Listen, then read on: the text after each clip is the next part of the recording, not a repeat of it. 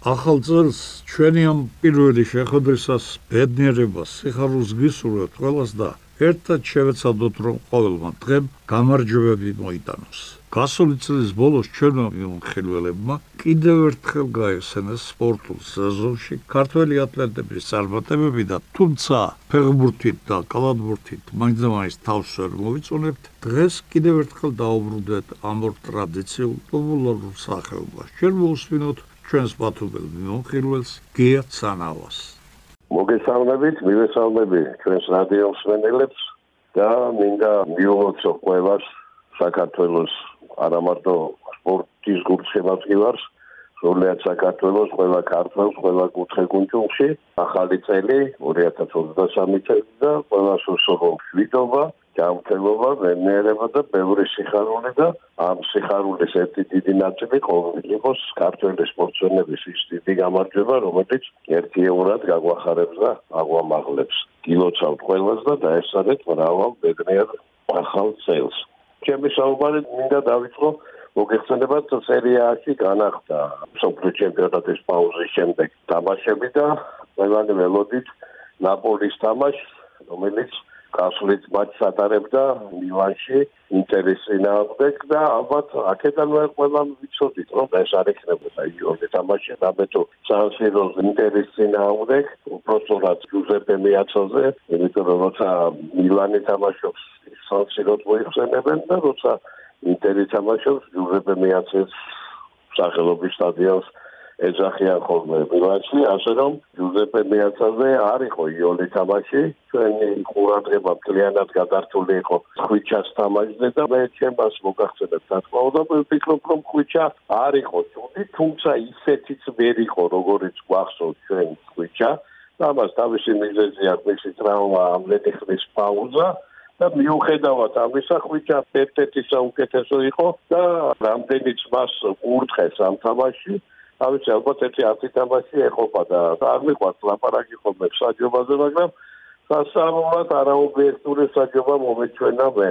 საჯი ძალიან ბევრ შემთხვევაში ობიექტური იყო და ამას ალბათ იტალიური პრესაც დაწეს მარცი განიცადა ნაპოლიმ რა თქმა უნდა სამწუხაროა მაგრამ მარცის უნდა დაგვავიწყდეს რომ იგი ინტერს ეთამაშებოდა და არავიღაც მეორე ხარისხოვანი გოლს და ამიტომ აქ საგანგაშო და კატასტროფა არაფერი მომხდარა რამდენიმე სიტყვა მინდა გითხრათ ბათუმის დინამოს ირგვლივ აქ ლაპარაკი ახალ ტრანსფერებზე ჯერჯერობით ჩამოყალიბებული ორსამ კაცზე არიან რამდენადაც ჩემთვის ცნობილია და მიმდინარეობს კიდევ მუშაობა სხვადასხვა ფეხბურთელებზე. მოხდა კიდევ ერთი რამ რომ ახალი სეზონიდან ბათუმის დინამოს ახალი სათამაშო ფორმა ექნება. მინდა შეგახსენოთ რომ წელს ბათუმის დინამოს უსრულდება 100 წელი. იუბილეა 100 წელი არ არის ცოტა და აჭარის თავრობა ეს წელი გამოაცხადა ბათუმის დინამოს წლად. ამასთან დაკავშირებით იგეგმება ძალიან ბევრი მონიზებები, ძალიან ბევრი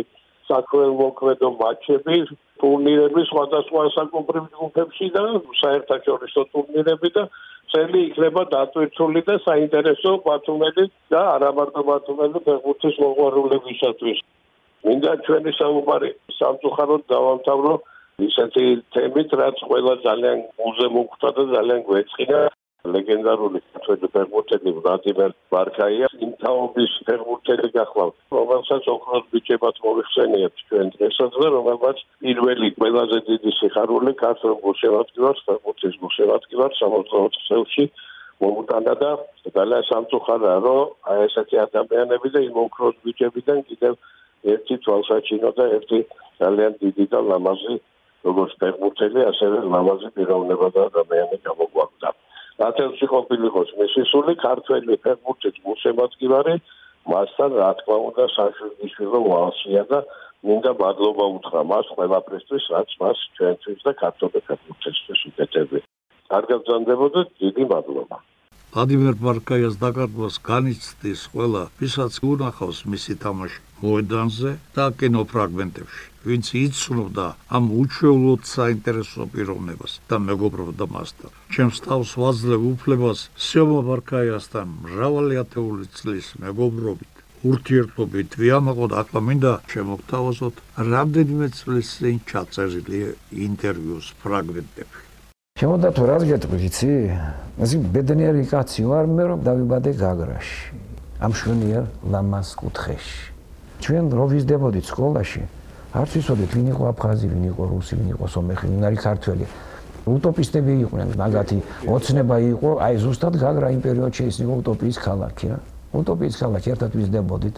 ულამაზესი ქალაქი, მუსიკის ქვეშ, ქართული ესტრადის, იტალიური ესტრადის ეს მე მახსოვს ცვასმანები იყო, შურჟენკო, ნინო რამიშვილის ცეკვა მახსოვს, პატარა მაშინ ახალგაზრდა ქალი იყო. ეს ღაპრული ქალაქი იყო და ჩვენ არ ვიცი ვინ იყო აფხაზი და რა იყო აფხაზი არ ვიცოდით რა. იყო რაღაცა ლაპარაკი რომ სოჩა ჩვენი იყო, იქიდან გამოგვასახლეს. მაშინ იყო ლაპარაკი, იცი. ხო და ნუ უკვე სოჩა დაკარგული იყო და ჩვენ ახალგაზრდობა მაგარ. იმიტომ რომ ძალიან ბევრი წამოვიდა, ვინც ხოვდა არლერის რაიონში და სოჩა. იმიტომ იყო მიგრელსკაია ქუჩა სოჩაში, იცი? იმერიტინსკაია იმერიტინსკაია ბუხტა ის სპორტი რო არის, იქვიოდა იმას ეს ძველი ის დარჩა. 5000 მოსახლეობა ცხოვრობდა გაგრის რაიონში. თითქმის ერთმანეთს ვიცნობდით, ერთმანეთს. ჭიშკრები, კარები, სახლის, ეზოების ღია იყო, ვინც რას ჭამდა, ერთად პულმანობდით, ერთად ვიზდებოდით, ერთად ბანაობდით, ერთად ფეხბურთს თამაშობდით, რა კაცო, ერთად ხუმრობდით და ერთად დავდიოდით პარკში და ერთ ცეკვებს და ყველგან. მე არც მეგონა თუ შეიძლებოდა ამ პოლიტიკოსებს და ყველას აი ეგეთი აბუნტვა ну ჭუჭყი რო ჩაყარონა რომ დღეს აფხაზეთში ვერ ჩადიხარ. ეგეთი პარადოქსებიც არის რა, ჩემს სახლში გაგრში ცხოვრობს სილაგაძე აფხაზი. შეიძლება იყოს სილაგაძე რომ იყოს აფხაზი, ნუ. ბავშვობიდან ჩვენ ქონდა ზღვა და სტადიონი, ზღვა და სტადიონი. ზღვის შემდეგ მოდიორით საღამო სტადიონზე და იქ თამაშობდით ფეხბურთს. გოგოებიც და ბიჭებიც სულ ყველა ერთად და ყველაზე ლამაზა და ყველაზე კარგად თამაშობდა იყო ერთი ნინო ბერძენი ქალი, ყველაზე ჯობდა ჩვენ თამაშ და ის იყო კაპიტანი ჩვენ ყოფთა გუნდებს და ჩვენ ვეთამაშებდით მაგ ჩვენი ჩვენზე უფროსი იყო ოდნა ჩვენზე უფროსი იყო და ეს იყო ჩვენი ფეხბურთი.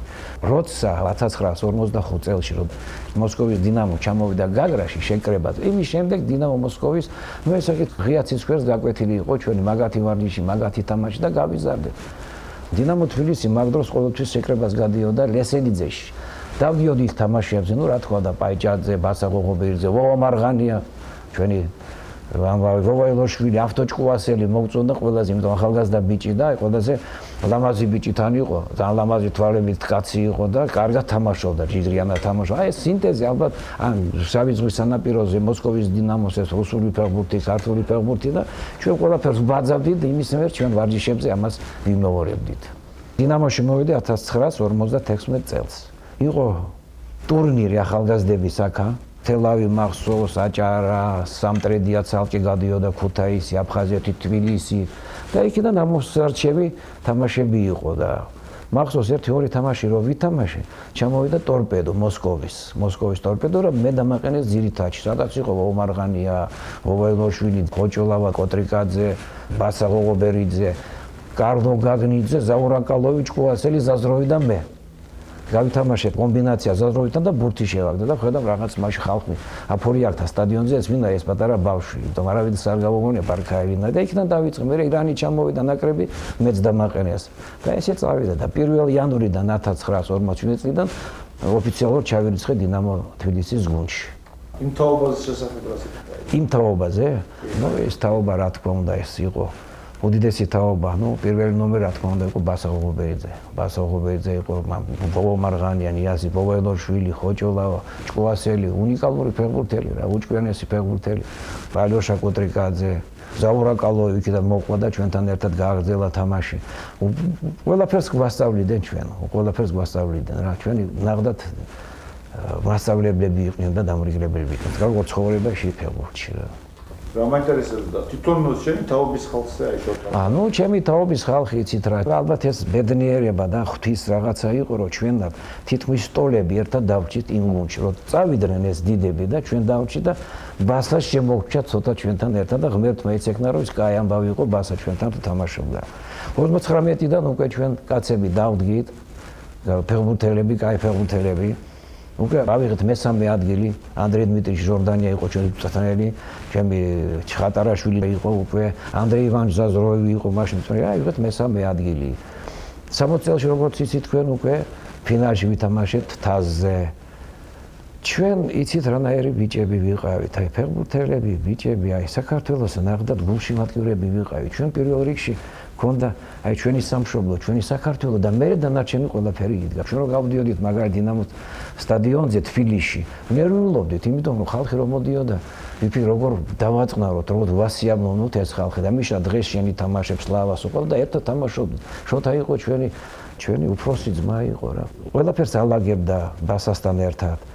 ბასა რო წავიდა, მე ჩვენ დავრჩი, ჩვენ რო დავრჩი, სლავა მოგვემატა ჩვენ კიდე. სლავა თავისი იუმორი თავის ამბავით ყოველთვის გვეუბნებოდა ჩვენ გავხდები ჩემპიონები, რაღა მე მოვედი ჩვენ გავხდები ჩემპიონებიო. შოთა იამაიძეს ალბათ ყავდა ნახევარი თბილისი გულშემატკივრები და სულ ჩვენთან დიღომში იყვნენ და ჩვენი და მაგათი თითქმის პრობლემა ერთი იყო რაღაც. ჩვენ ვიცოდით რას ფიქრობ ჩვენზე ხალხი და ჩვენ ამას ვაკეთებდით ყოველთვის. ეხლა ვიფიქრე და ყოველთვის მიდის გადაცემა ფეხბურთელებზე, ჩვენ ცხოვრებაზე, ჩვენ კეთილ ამბავზე, მაგრამ მე მინდა ვახსენო ჩვენი გულშემატკივრებია, ჩვენი თაობის, ჩემი გუნდის. ყოველთვის ერთად განისვიდი ჩვენ თამაშია, ჩვენ ცხოვრება, ჩვენ სიცოცხლეს, თქვენ იცოდით ყველა ჩვენი ნაბიჯები და თქვენთან ერთად ჩვენ ის გავაკეთოთ რომ 64-ში გავხდით ჩემპიონები. გავახარეთ ჩვენი ქართველი ხალხი და ჩვენი საქართველო. დიდი მადლობა კიდევ და კიდევ თქვენ. რატონებული